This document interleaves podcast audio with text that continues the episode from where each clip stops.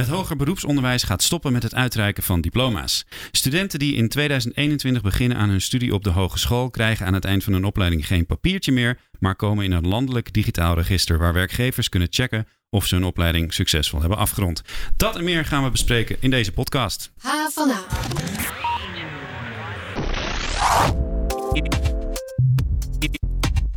Ja, fijn dat je luistert naar onze podcast. Mijn naam is Daniel Rommens en aan tafel heb ik vandaag collega Marloes van der Wakker. Hallo Marloes. Hoi. Welkom in de podcaststudio voor de eerste keer. Ja, leuk om hier te zijn. Ik Ja. ben benieuwd. Dus, eh, er was net een hele groep eh, studenten die volgens mij een soort examenopdracht moesten doen. Het is hier nog lekker dampig warm, zeg maar. Ja, daar hangt wel een luchtje. Ja, Ja, hè? ja dus eh, we gaan deze podcast snel opnemen zodat we weer veilig naar buiten kunnen waar er geen aerosolen rond dwarrelen. Gelukkig hebben we wel schermpjes weer hier staan.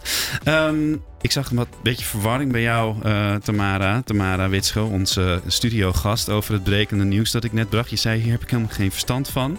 Eh, jij bent de kerstverse lector Creative Media for Social Change. Wat was jouw eerste gedachte toen je dit nieuws hoorde wat ik net vertelde? Nou, het is wel grappig, want ik was heel erg op mezelf gefocust. Moet ik het daarover hebben? Dat Ja. kan ik helemaal niet. Dus Nee. eh, eigenlijk, en dat is wel interessant, hè, want dat is natuurlijk wel weer waar ik onderzoek naar doe. Eigenlijk laat dat meteen zien hoe weinig, hoeveel we dingen vanuit ons eigen perspectief, ook media, Ja, beluisteren. ja. En dan meteen eigenlijk niet meer horen. Dus ik weet, eh, heel, ik heb maar de helft opgepikt, want het was meteen, moet ik daar iets over zeggen? En toen Ja. ging mijn brein ging, mijn, ging een heel eigen ding doen. Dus Oké. Dus je was al met de informatie aan de haal voordat je goed en wel had beoordeeld Klopt, of die wel klopt. Dus als je mij nu gaat eh, ondervragen, dan weet ik ook helemaal niet meer wat je hebt gezegd. hoor. Nee, nou ik zei dat er geen eh, HBO-diploma's meer komen in de toekomst. Wat jammer.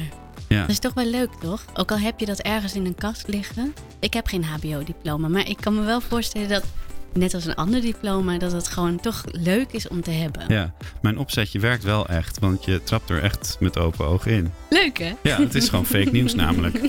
En daar gaan we het vandaag ook over hebben, Tamara. Eh, want eh, ja, dit onzinbericht, dat, dat is niks. Eh, wat we wel gaan bespreken is hoe wij met ons allen informatie consumeren... en of we nou nog wel goed in staat zijn om echt van nep te onderscheiden. Kijk, zoals Tamara net Jij helemaal niet goed. door had dat dit gewoon fake nieuws was. Welke informatie is belangrijk voor ons en wat is ruis? En welke rol hebben journalisten en andere verstrekkers van informatie in onze samenleving? Tamara onderzoekt dat met haar lectoraat en dat doet ze onder andere met studenten. Straks hebben we aan de lijn Naomi, eh, een van de studenten met wie zij eh, een onderzoek heeft gedaan. Tamara, ik wil heel even terug Hmm. naar jouw tienertijd. Want ik, ik las jouw lectorale reden. En daar begon jij over jouw vader, die Hmm. voor eh, de VVD stemde. Mhm. Terwijl dat helemaal niet een partij is die paste bij wat voor hem goed was. Volgens mij dan, hè, als tiener. Volgens jou, ja. oh ja. Ja, dus dat is wel. eh, ik begin inderdaad. Nou, ik begin in de lectorale reden met mijn moeder, die heel stellig stelt. Ik ga me dus echt niet laten vaccineren. Wat Ja. ze overigens pas geleden toch gedaan heeft. Dus daar ben ik heel blij om. Heel goed. Ehm, maar, eh, en, en ik, ik geef dan aan dat ik.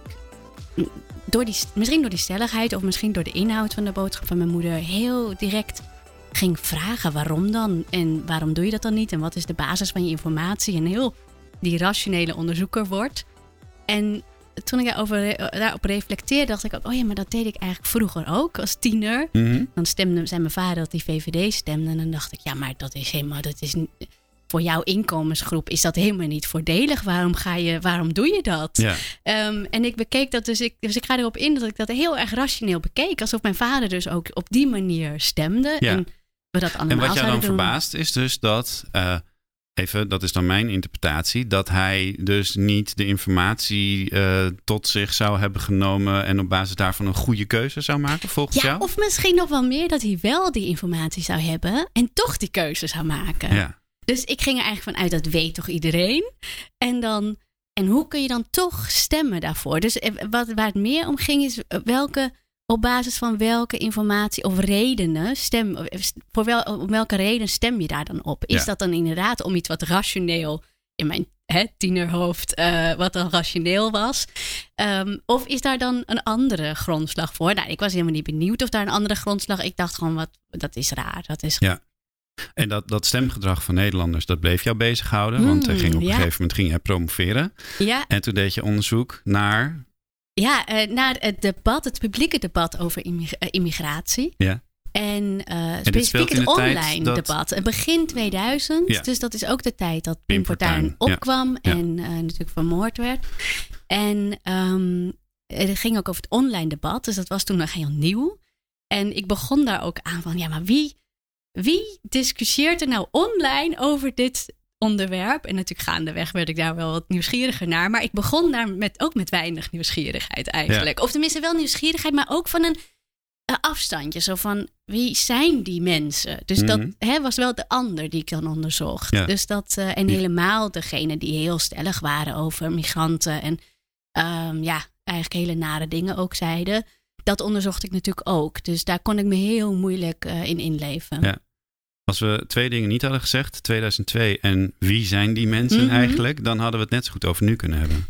Ja, voor een heel groot deel wel. Hè? Dat Ja. ja. ja, blijft een gepolariseerd debat. Ja, vooral ook online, op sociale media. Ja. zeker. Ja, en toen was het nog nieuw en deed nog niet iedereen dat. En nu is dat heel gewoon geworden Ja. natuurlijk. Dat, eh, Wat mij pakte, eh, ik ga heel eventjes naar de HVA-site, want daar stond eh, nou, bijna in koeienletters eigenlijk.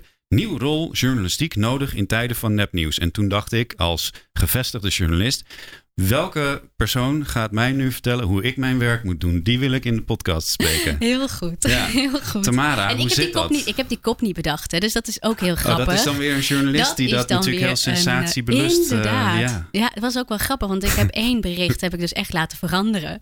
Omdat ik zei, ja, maar wacht even, dat heb ik helemaal niet zo gezegd. En dat Oh, ja. is ook niet wat ik zo wil zeggen. Oh. Dus, eh, dus deze kop zou ik zelf, hè, als wetenschapper zijn we graag genuanceerd. Ja. Dus ik laat dat ook heel, ik probeer dat, daar ben ik niet altijd even goed in, ik probeer dat over te laten aan mensen die dan daar eh, weer een pakkende kop aan geven. Maar als wetenschapper zou ik hier allerlei nuances willen, willen eh, aanbrengen. Ja, nou ja, eh, jij hebt eh, haast. Dus eh, ik hoop dat, jij, dat het jou lukt om die nuance in de korte tijd die we hebben aan te brengen.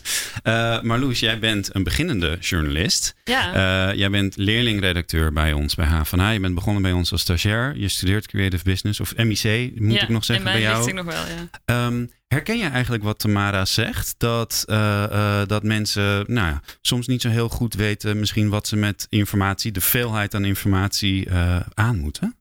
Ja, ik denk het wel. En daar word, je ook wel, word ik ook wel bewust van gemaakt binnen mijn opleiding. Dat je goed eh, moet filteren en ook eerlijk moet zijn als je een verhaal vertelt. Dat je het altijd, altijd vanuit een bepaalde kant belicht. En dat er dus meer kanten zijn. En ik denk Mhm. dat heel veel mensen die iets lezen online dat voor waar aannemen. En niet ook de andere kant uitzoeken. Zoals iemand die maar één minuut naar deze podcast heeft geluisterd, kan denken: shit, er is straks geen HBO-diploma meer. Ja, precies. Ja, dat is wel natuurlijk meteen een probleem ook. De vluchtigheid, de snelheid van media. We hebben het op de redactie vaak over hoe bereiken we onze doelgroep. Door op sociale media dingen te doen. Hè, in een halve minuut, in een minuutje. Even snel, soms in 14 seconden een boodschap brengen. Ehm, daarmee kan het ook heel schreeuwerig en ook niet echt meer inhoudelijk correct worden. Tamara, is dat een gevaar? Ja. Nou ja, het is wel het is heel moeilijk. Het is de gevaar. Het is meer wat wil jij als journalist? Ik merk dat heel veel journalisten dat zelf heel moeilijk vinden. Die, willen, die zijn niet in het vak gegaan om dat te doen. Hè? Om in die 14 seconden inderdaad. Of ook al is het een halve minuut of een minuut, is het nog steeds heel kort. Hoe doe je dan recht aan jouw vak? Ja. En dus nog even los van is het een gevaar of niet. eh, als professional wil je vaak iets anders. Tenminste, dat heb ik wel in mijn onderzoek eh, teruggekregen. Ja, precies. Ehm, wat zie jij in het algemeen in de journalistiek eh, op dit moment? Oh, dat is een hele grote vraag. Ja. Ehm, Als het gaat over bijvoorbeeld wat ik net zeg, eh, journalisten die zeggen: ja, maar ik moet mijn doelgroep bereiken. Ja, nou ja, ik had net had ik een, eh, een heel mooi gesprek met een eh, journalist van de Trouw. Die een, interview deed omdat hij schrijft over misinformatie. En ook wat journalistiek kan doen om het vertrouwen terug te winnen van mensen. En dat zie je wel. Als ik algemeen zie, zie ik een vakgebied. En ik ben heel erg benieuwd ook hoe Meloes dat ziet. Een vakgebied dat zoekende is naar wat is nou, eh, wat is onze rol in de samenleving? Eh, hoe vullen we die het beste in? Ehm, wat is mijn professionele, wat zijn mijn waarden? Hoe, hoe, eh, hoe kan ik daar in deze tijd ook richting aan geven? Dus ehm, ik zie een zoekend vakgebied. Mhm. En tegelijkertijd zie ik ook ehm, ja, een veel, inderdaad, die veelheid van informatie waar je het over hebt. Dat zit allemaal in hetzelfde domein, is dat te vinden als de journalistiek. Dus Ja. ook daarin ehm, eh, is het ook zoeken naar, ja, hoe vind ik, hoe vind ik mijn doelgroep dan? En eh, hoe vinden ze mij? Ja, wat ik dan wel heel interessant vond, is dat jij zegt, uh, in plaats van zo te zoeken naar bereiken van de doelgroep, moet je misschien kijken naar hoe je de doelgroep dient. Ja, klopt. Ja, dat wat is, bedoel je uh, daarmee?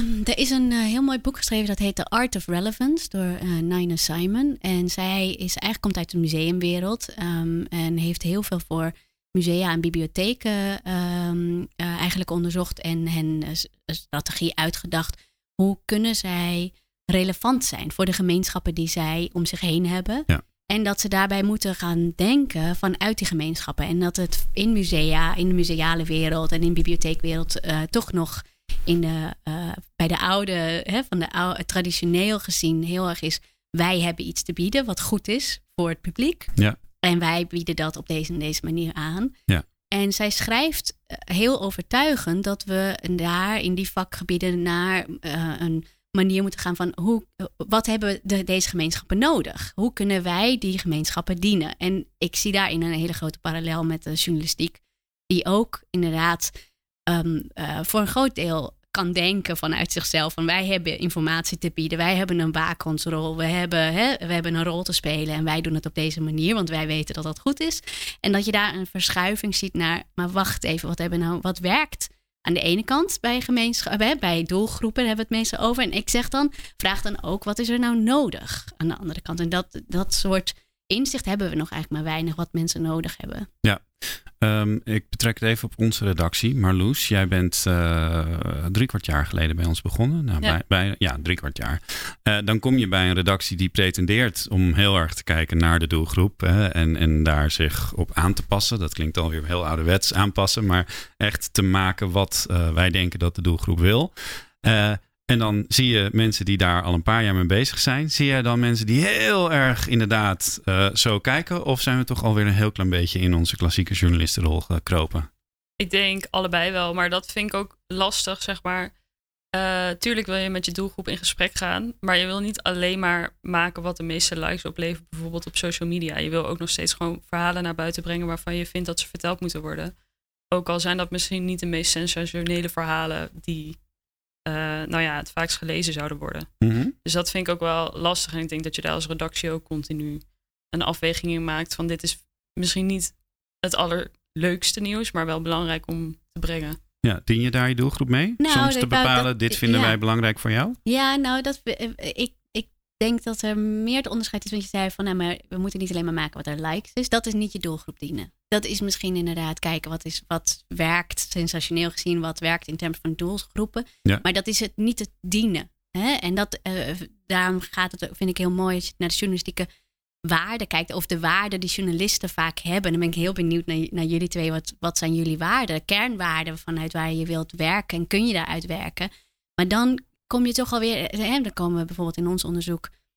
Voor heel veel journalisten is verbinding belangrijk. Als Mhm. jij polariserende nieuwskoppen die misschien sensationeel zijn en veel likes of veel hits opleveren, dat sluit niet aan bij die uh, verbinding creëren. En dan is het dus inderdaad, dien, wie dien je daarmee? Welke gemeenschappen dien je daarmee? Dien je daar ook de samenleving als in het algemeen mee?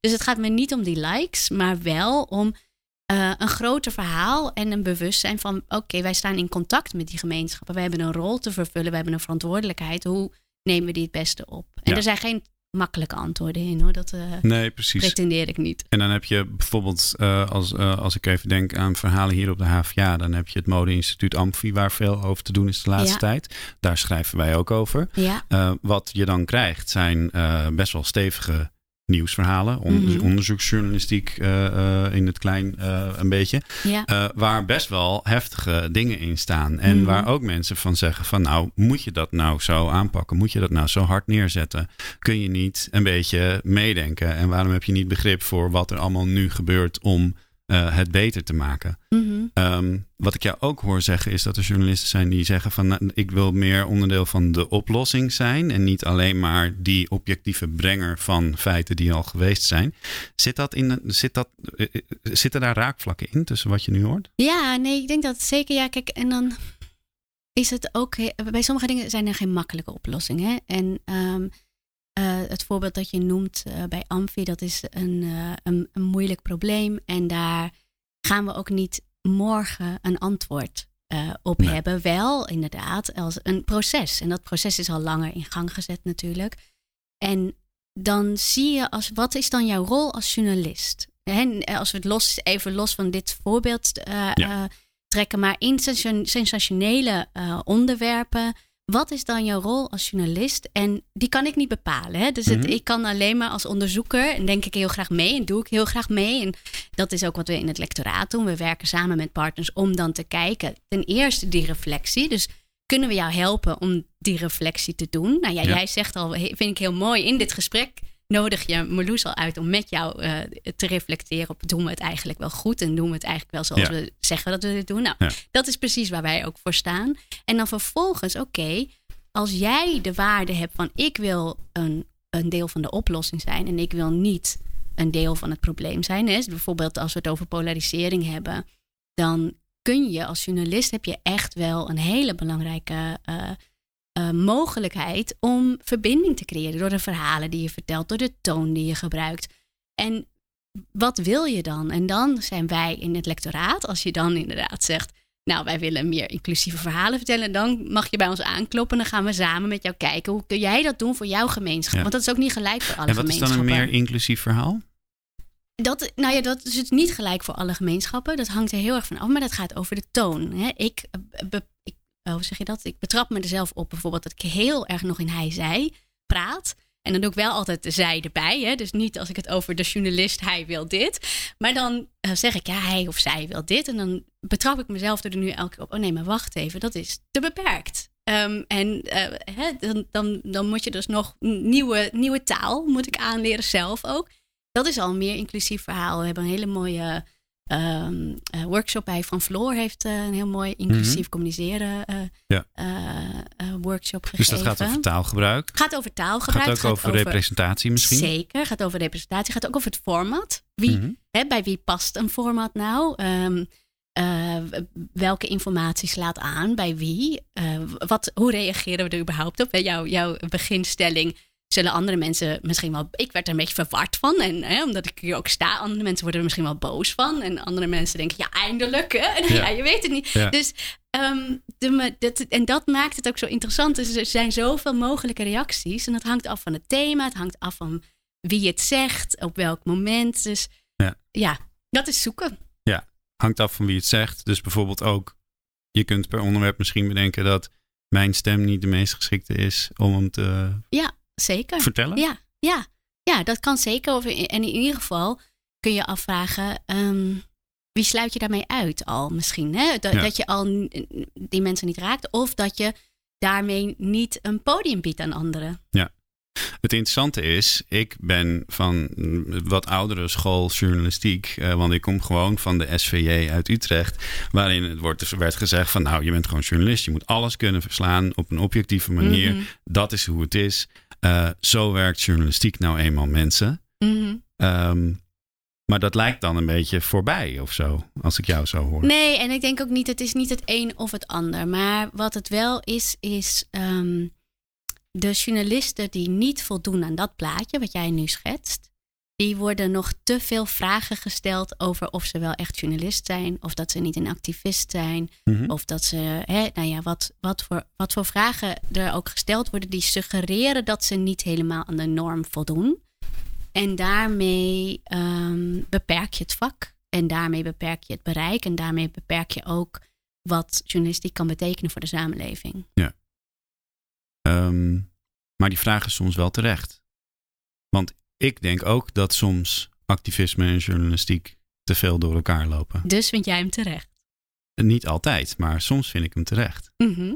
Want ik, eh, nou ja, wat, wat vind jij Marloes? Eh, kan je, kan je, eh, Help ons maar, kan je je mening eh, als journalist in een artikel verwerken? Misschien is dat te één op één. wat- Ja, inderdaad. Wat Zou je ik hem bedoelt meteen hoor. nu- nuanceren? Oké, ja. nou la- ja. la- laat ik het zo zeggen. Heb jij soms wel het idee dat journalisten ook een beetje te veel activist zijn? Dit is een hele retorische vraag. hè? Ja, misschien soms wel, maar ik denk dat dat ook afhangt. Kijk, je kan als journalist ook specifiek alleen over één onderwerp schrijven, omdat je dat heel belangrijk vindt. Mhm.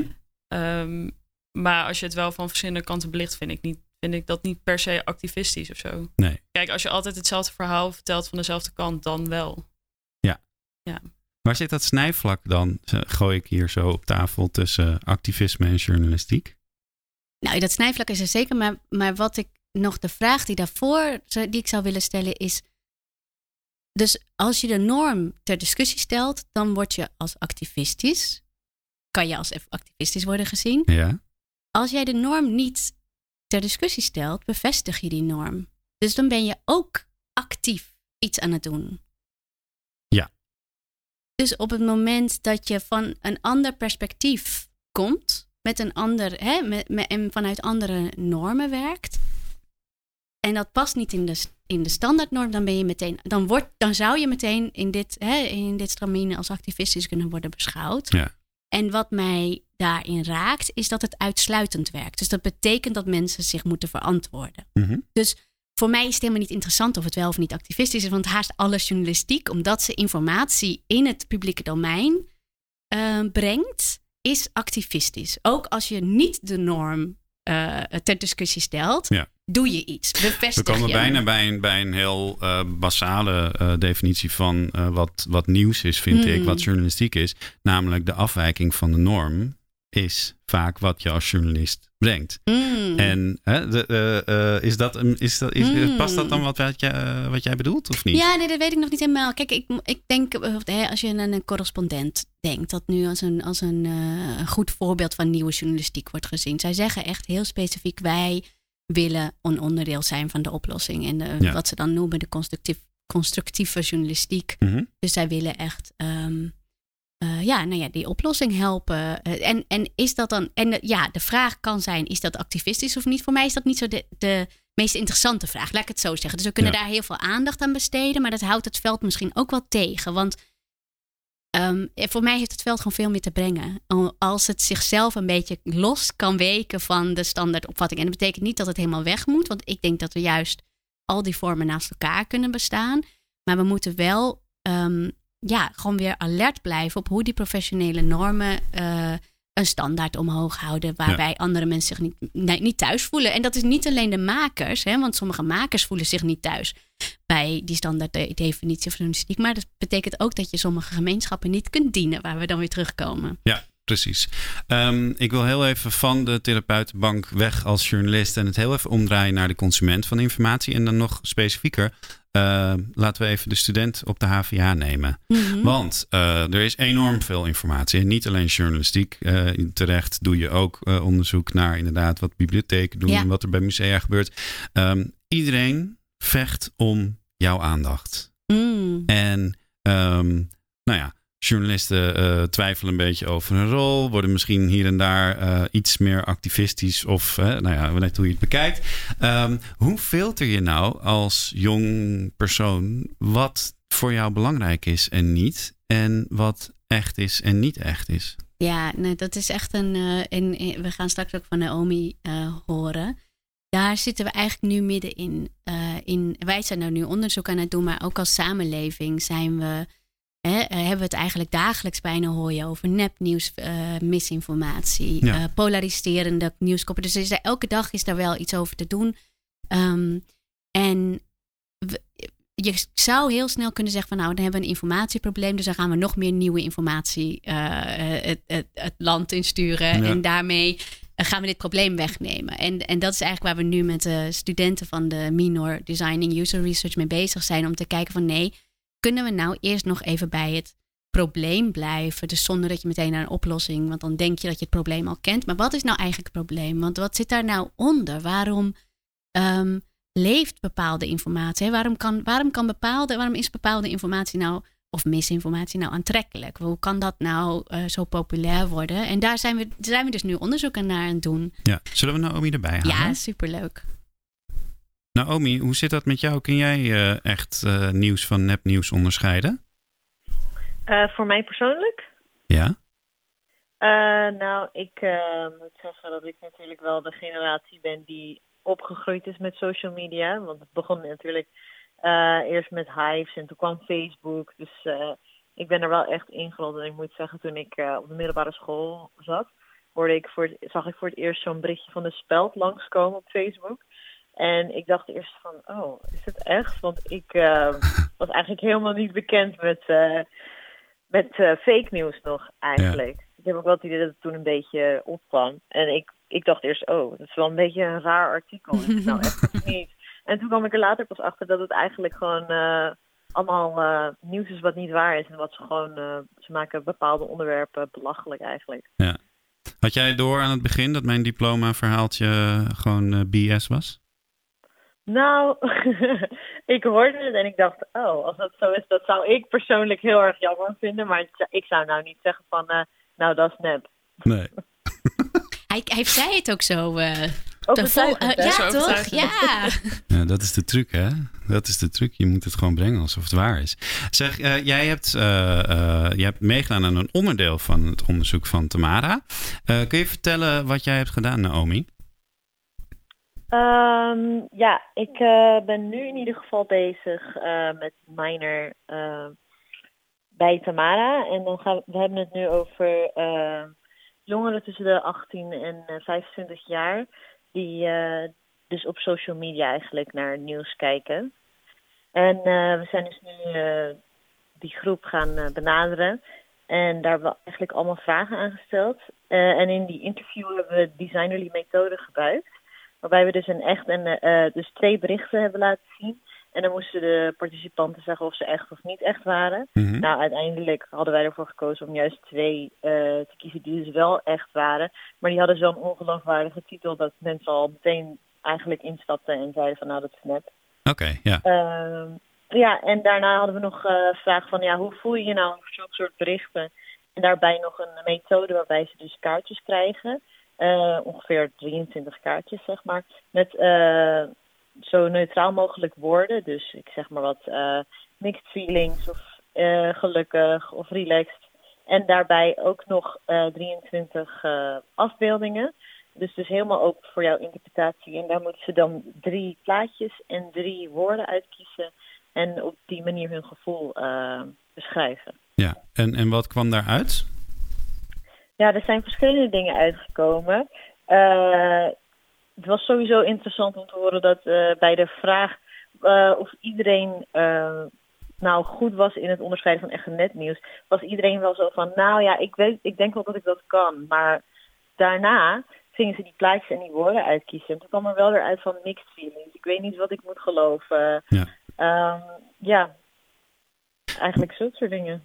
Wat voor, eh, wat voor eh, waarde heeft het voor jou om aan zo'n onderzoek eh, mee te doen als student? Hè? Niet gewoon je vak te leren, maar ook echt mee te doen aan, aan het onderzoek van een, nou ja, een echte wetenschapper. Ja, ik denk zelf dat het heel interessant is, omdat we natuurlijk heel erg te maken hebben met dit onderwerp nu. Ehm, en het wordt wel belicht, maar ik denk dat het nog wel wat beter kan en beter uitgezocht kan worden. En ook juist om de kanten te horen van inderdaad alle eh, consumers van al dat nieuws. Ja. Dus ik, eh, ja, ik vind het heel eh, bijzonder om hier aan mee te mogen doen. Wat heeft het voor jou voor meerwaarde, Tamara, om studenten te betrekken bij het onderzoek? Of hoort het gewoon bij je baan? Nee, het, het maakt mijn baan. eh, het is zeg maar de, de leukste kant van mijn baan. Oké. Ehm, en eh, nou, Naomi moet misschien wel lachen als ik dit zeg. eh, van, wanneer was het? Een week geleden riepen de studenten mij op het matje. Want ze zeiden, ja, we zijn al zo lang in de voorbereidende fase van het onderzoek. We- Het was twee weken geleden. We willen nu gewoon echt even doorpakken. Waar moeten we nou zo lang over nadenken? En toen Mhm. dacht ik, oh ja, wat goed weer. En toen zijn we echt aan de slag gegaan. Ehm, en dus eh, wat ik ervan leer is dat er zoveel kennis en kunde zit eh, bij deze groep studenten die dit onderzoek doet. En eh, als je ze de vrijheid geeft, dan eh, ehm, maken ze echt prachtige dingen. Ja. En he- komen ze ook tot inzichten, want dat is, nou ja, Naomi noemt dat nu, die designerly methode. Ehm, dat in, in de wetenschap doen we heel veel met vragenlijsten en met interviews. En dan zouden we vragen, nou is dit echt of niet? Hoe voel je erover? Maar dan krijg je vijf antwoorden of eh, vijf antwoordmogelijkheden. Dat is het dan. En zij komen gewoon met hele ehm, ja, creatieve methoden. En, en dat is ook echt waar wij eh, in het doctoraat waar we, wat we verder willen ontwikkelen en, en mee bezig zijn al. Maar dat is bij de studenten is dat heel, heel gewoon, want die zitten niet in dat eh, vaste stramien. Ja, precies. Ehm, en dan krijg je dus, ehm, waar, waar we eigenlijk nog heel weinig inzicht in hebben, is wat zijn die gevoelens erover? Dus inderdaad, al- die studenten zeggen, ja, ik ben wel goed in het ontdekken van wat echt is en niet echt is. Ik kan dat, ik kan dat van elkaar onderscheiden. En vervolgens krijgen we Maar eigenlijk vind ik het ook heel moeilijk. En eigenlijk weet ik het ook niet. En daar ruimte voor maken, voor die gevoelens en die omhoog brengen, om daar dan vervolgens je oplossing Ja. op te baseren. Want ik kijk nu naar een strip eh, die eh, onder andere door jou gemaakt is, Naomi. Eh, samen met Mirai en Anthony, zie ik. Ehm, en daar wordt dan, iemand krijgt informatie over het AstraZeneca-vaccin. en vervolgens wordt eigenlijk een soort digotome keuze. Je moet ja of nee zeggen aan diegene gegeven. van neem je hem wel of niet? En dan is de vraag, is er ook een optie, ik weet het niet. Ehm, Naomi, wat, wat, eh, wat zie jij dan bij mensen als ze zo... Hè, want je moet dus kiezen, je moet voor of tegen zijn. Maar als je het niet weet, wat gaan mensen dan doen? Ja, dat is dus het lastige. Dat is het eh, hele ding waar die stuk natuurlijk eh, over ging. Ze kijkt natuurlijk op NOS en die zegt dat het super werkt. En dan gaat ze vervolgens op Facebook. En daarop staat dat er een heleboel studenten aan dood zijn gegaan. Ja. En dan weet ze dus helemaal niet meer wat ze moet geloven. En op het moment dat ze dan moet kiezen voor ja en nee, denkt ze van... Ja, nou, ik heb het positieve gezien. Ik heb ook het negatieve gezien. Ja. Eh, ik wil eigenlijk helemaal geen ja of nee zeggen. Want ik weet het eigenlijk helemaal niet. Ja. En als jij in jouw eigen kringen mensen hebt waarmee je hier gesprekken over voert... ehm, kom je dan ook mensen tegen die het even niet weten? Ja, zeker. Ja, zeker. Er zijn er genoeg mensen die zeggen van... eh dat is allemaal heel leuk en aardig, eh dat AstraZeneca-vaccin... of überhaupt een coronavaccin. Eh want ze vertellen allemaal wel leuke dingen... maar ze weten bijvoorbeeld nog niet... of je er überhaupt andere mensen mee beschermt. Ze weten nog niet hoe lang je beschermd bent tegen corona. Ja. Dus ja, ik snap wel... eh, dat er zoveel gemixte signalen daarover zijn. En dan zijn er natuurlijk de mensen die zeggen... nou, kom maar door met die eh, prik. Anderen die zijn weer heel stevig nee. Maar er is een hele grote groep die daar eigenlijk tussen hangt. Ja. Hoe, hoe zit je daar zelf eigenlijk in? Ja, ik heb zelf de oproep al gekregen. En ik zit dus eigenlijk in die groep die ertussen hangt. Oké, ja. Dat klinkt misschien heel stom, maar... eh, ja, ik ben geen anti-vaxxer of zo, hoor. Dus... eh, Ja, maar dat is wel interessant. Ja, maar dat is wel interessant, hè, Naomi, dat je dat ook het gevoel hebt. En dat snap ik heel erg, dat je dat dan ook moet zeggen. Hè? Dus dat vind ik zo mooi aan wat eh, Naomi en de andere studenten die eh, in de Designing User Research eh, minor hier aan werken. Dat ze laten zien dat die onzekerheid bestaat. En daar ook echt ruimte voor maken. En dat, dat, hè, dat je dan het gevoel hebt van, oh, maar dan moet ik me ook kwalificeren als, oh, ik ben geen antivaxer. Ehm, da- dat is, hè, daar zitten we dus in. En dat is die polarisatie. Dat je dus of het een of het ander zou zijn. En, Ja. en dat je dus niet meer mag zeggen van, oh, maar ik weet het eigenlijk Ja. niet. Dus ze moeten een soort... Ik vind het ook heel dapper dat Naomi hier gewoon zo zich over Zeker. uitspreekt. Ja. Ja. ja, maar eigenlijk heel raar dat dat dus dapper is. Ja, nou, nou inderdaad. Ja, dat is Want een goed een, punt. soort, een soort eh, kritisch, redelijk midden, daar lijkt geen ruimte voor bijna. En dat, eh, nu wordt het bijna- filosofisch. Maar Nou, en weet je, dat is wel grappig, want dan moet het inderdaad moet het redelijk zijn, of mag je ook onredelijk zijn, of gewoon onzeker ook, voelen. Hè? Dat je het gewoon niet weet. En dat dat ook een midden is, of dat dat ook een, een pl- plek is die je mag innemen. ja. Heb jij zelf soms moeite, Tamara, om je informatie op waarde te schatten? Oh, jeetje. Of ben jij nou, altijd weet de wat- rationele onderzoeker die alles... Wat het interessante is, want dat, en dat benoem ik ook in, eh, eh, in mijn reden, hè, wanneer ik dus begin met mijn moeder, die, die heel stellig stelt: ik ga me niet vaccineren. Dat ik, ik heb me altijd heel comfortabel gevoeld met problemen waar het antwoord ergens in het midden zit. En Mhm. dat is een soort van comfortabelheid met het niet weten of met, met die onzekerheid.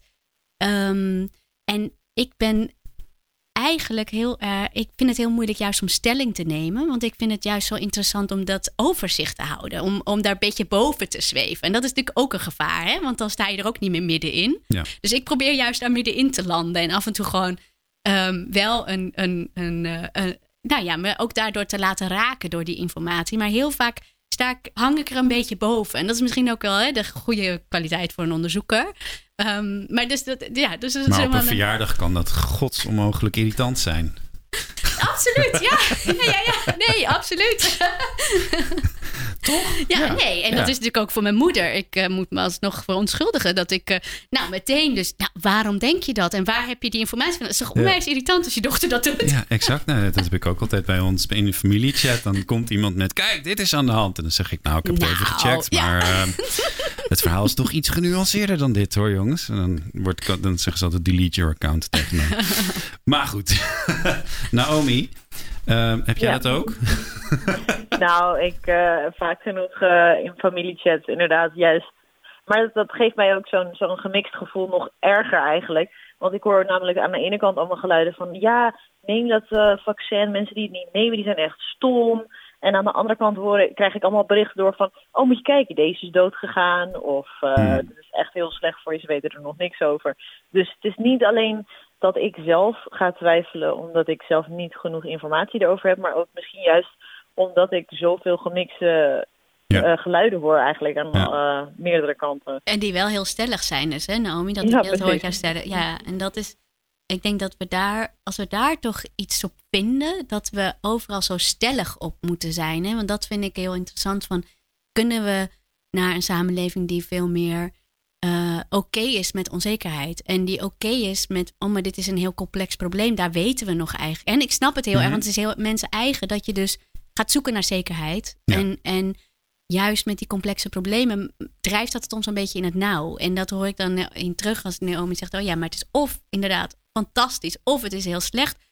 Dan voel je je inderdaad heel erg geïsoleerd als je daar ergens Ja. tussenin zit. Heb jij het idee, dan toch weer eventjes terug op de therapeutenbank, dat Ja, heb jij het journalisten... idee? heb jij het idee dat ehm, journalisten ook altijd op zoek zijn naar een soort definitief antwoord? Dat het dus niet oké is dat iemand zegt, we weten het nog niet? Ehm, nou, nee. Want het staat niet goed in een kop. Nee, dat wou ik zeggen. Dus of ik dat denk, wordt het ik, nieuws, zeg ik- maar. ik- nou, dat is precies zo. En ik denk dus dat het dat journalisten wel degelijk het genuanceerd. En dat is ook het moeilijk, hè? Want als je dus nepnieuws zegt heel stellig, je gaat er dood aan. En dan heb je een journalistiek verhaal van pagina's met alle nuances. Ja. Ehm, ik kan me wel voorstellen dat niet iedereen zich daartoe aangetrokken voelt. En dan kan er wat voor kop dan ook boven staan. Maar je ziet die hele lap met tekst. En oh ja, maar wacht even. eh, dat andere antwoord is zo simpel. Ja. Dus, en dat betekent niet dat mensen simpel zijn, maar gewoon dat, dat ehm, het is zo'n groot contrast. Hè? En dus eh, hoe kunnen we, nou, en dat is precies waar we eigenlijk mee begonnen. Hoe kun je dan een journalistiek format creëren, waarbij je dus die informatie wel degelijk de nuance houdt en mensen ook oké laat zijn, eigenlijk faciliteert in die onzekerheid en die complexiteit. En aan de andere kant wel mensen meeneemt. En dat het niet meteen afschrikwekkend eh, is van, oh ja, maar dit is heel veel tekst, of ik begrijp dit niet, of ik, eh, ik, ik wil dit, ik kan hier nu niet aan, of ik heb hier geen tijd Ja. voor, of, of eh, het is te, te ingewikkeld. Denk je, want jij zei in het begin, en dat vind ik een aanname, dat, het, dat de journalistiek het vertrouwen moet terugwinnen. Denk Nee, je dat ja. ze het vertrouwen kwijt zijn? Nee, want ik zou ook niet zeggen terugwinnen. Want dan is het meteen ehm, dat er één iemand wint of zo. Dus het gaat meer om ehm, hoe kunnen ze de verbinding misschien wel weer eh, opnieuw tot stand Ja. brengen. En eh, nou ja, er zit nog heel veel onderzoek dat nu laat zien dat, die, dat het vertrouwen wel degelijk daalt. En ik denk dat dat meer die aansluiting. Hoe kunnen ze meer die aansluiting vinden? En daar zullen ze dus dat. Ja, dat mag. Dat, als dat gaat om iets terug te winnen, dan ga je er als journalist of als journalistieke organisatie heel erg in van wij hebben hier iets te halen. Terwijl het eigenlijk zou zijn van kunnen we luisteren, zodat we ook kunnen bedenken van nou, wat is dan wat wij kunnen bijdragen? Welke rol kunnen wij kunnen en willen wij hier spelen? Ja. Eh, ik heb nog heel veel vragen voor je, maar die kunnen we helaas nu niet meer stellen. Ehm, kunnen mensen jouw lectorale reden lezen ergens? Ja, Staat zeker. Ze kunnen hem eh, lezen. En als je liever, dat is de lange versie. En als je liever de verkorte versie kijkt, dan kan dat ook. Die staat op YouTube. Oké, Ja. eh, gewoon HVA-kanaal zoeken. Ja, zeker. Als je mijn lectorale reden Prima. zoekt, dan vind je het allemaal. Goed. Eh, dank voor dit gesprek. Ja, ja Eh, jullie bedankt. Heel fijn. Ja, nou ja, eh, eh, graag Naomi gedaan. natuurlijk, En Naomi ja. bedankt, Ja. zeker. Ja, dat ging ik zeggen. Ho, ho, ho, ja, maar ik ho. wil er ook bedanken. Want ik vind het heel fijn dat ze, dat ze ook hierbij aansloot. Eh, ja, Naomi, bedankt ook namens ons dus. En eh, ja, we gaan er een eind aan breien. Ehm, vond je het leuk, Marloes, de eerste keer? Ja, en het heeft me ook wel stof gegeven om na te denken. Wat voor stof? Nou, dat het niet zo, zeg maar, van wat je verteld wordt op school, hangen ze denk ik nog wel iets meer in het vaste nieuws. Van ehm, afwijkende dingen zijn nieuws, dus dat moet je vertellen. Maar Mhm. inderdaad, dat het ook af en toe oké is om die nuance op te zoeken in je verhalen. Dat is wel iets wat ik mee ga nemen, denk ik. Heel goed. DMCI, leer hiervan. Uh, dank voor het gesprek. Nogmaals, we gaan uh, stoppen. Vind je dit een leuke podcast? Laat dan een beoordeling achter op iTunes. En heb je een vraag of een opmerking? Uh, mail ons dan op info.hvna.nl. Of als je het bijvoorbeeld nog niet weet. stuur ons een berichtje op sociale media als je niet zin hebt om helemaal te mailen. Want dat is heel ouderwets. En dan zeg ik nog, wij werken langzaamaan naar het zomerreces op de HVA. Ja. en je hebt nog een paar podcasts van ons te goed. En in elk geval eentje waarbij we voor het eerst in ruim een jaar weer eens een bezoekje gaan brengen aan alle verschillende campussen van de HVA. Van de sportcampus tot de zorgcampus tot gewoon de Amstelcampus waar we nu ook zitten. Welk verhaal mogen we volgens jou echt niet missen als we daar langs gaan? Wat is er gebeurd in de tijd dat we allemaal thuis achter ons laptopje zaten? Laat het ons weten. Mail ons, bel ons of chat met ons. En misschien staan we binnenkort met een microfoon voor je neus op de campus. Tussendoor maken we natuurlijk dagelijks de mooiste verhalen over jouw opleiding. En gaan we met jou in gesprek over wat jij eigenlijk wil weten van ons.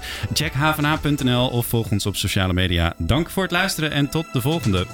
Geen enkele podcast meer missen? Check dan HVA in je favoriete podcast-app.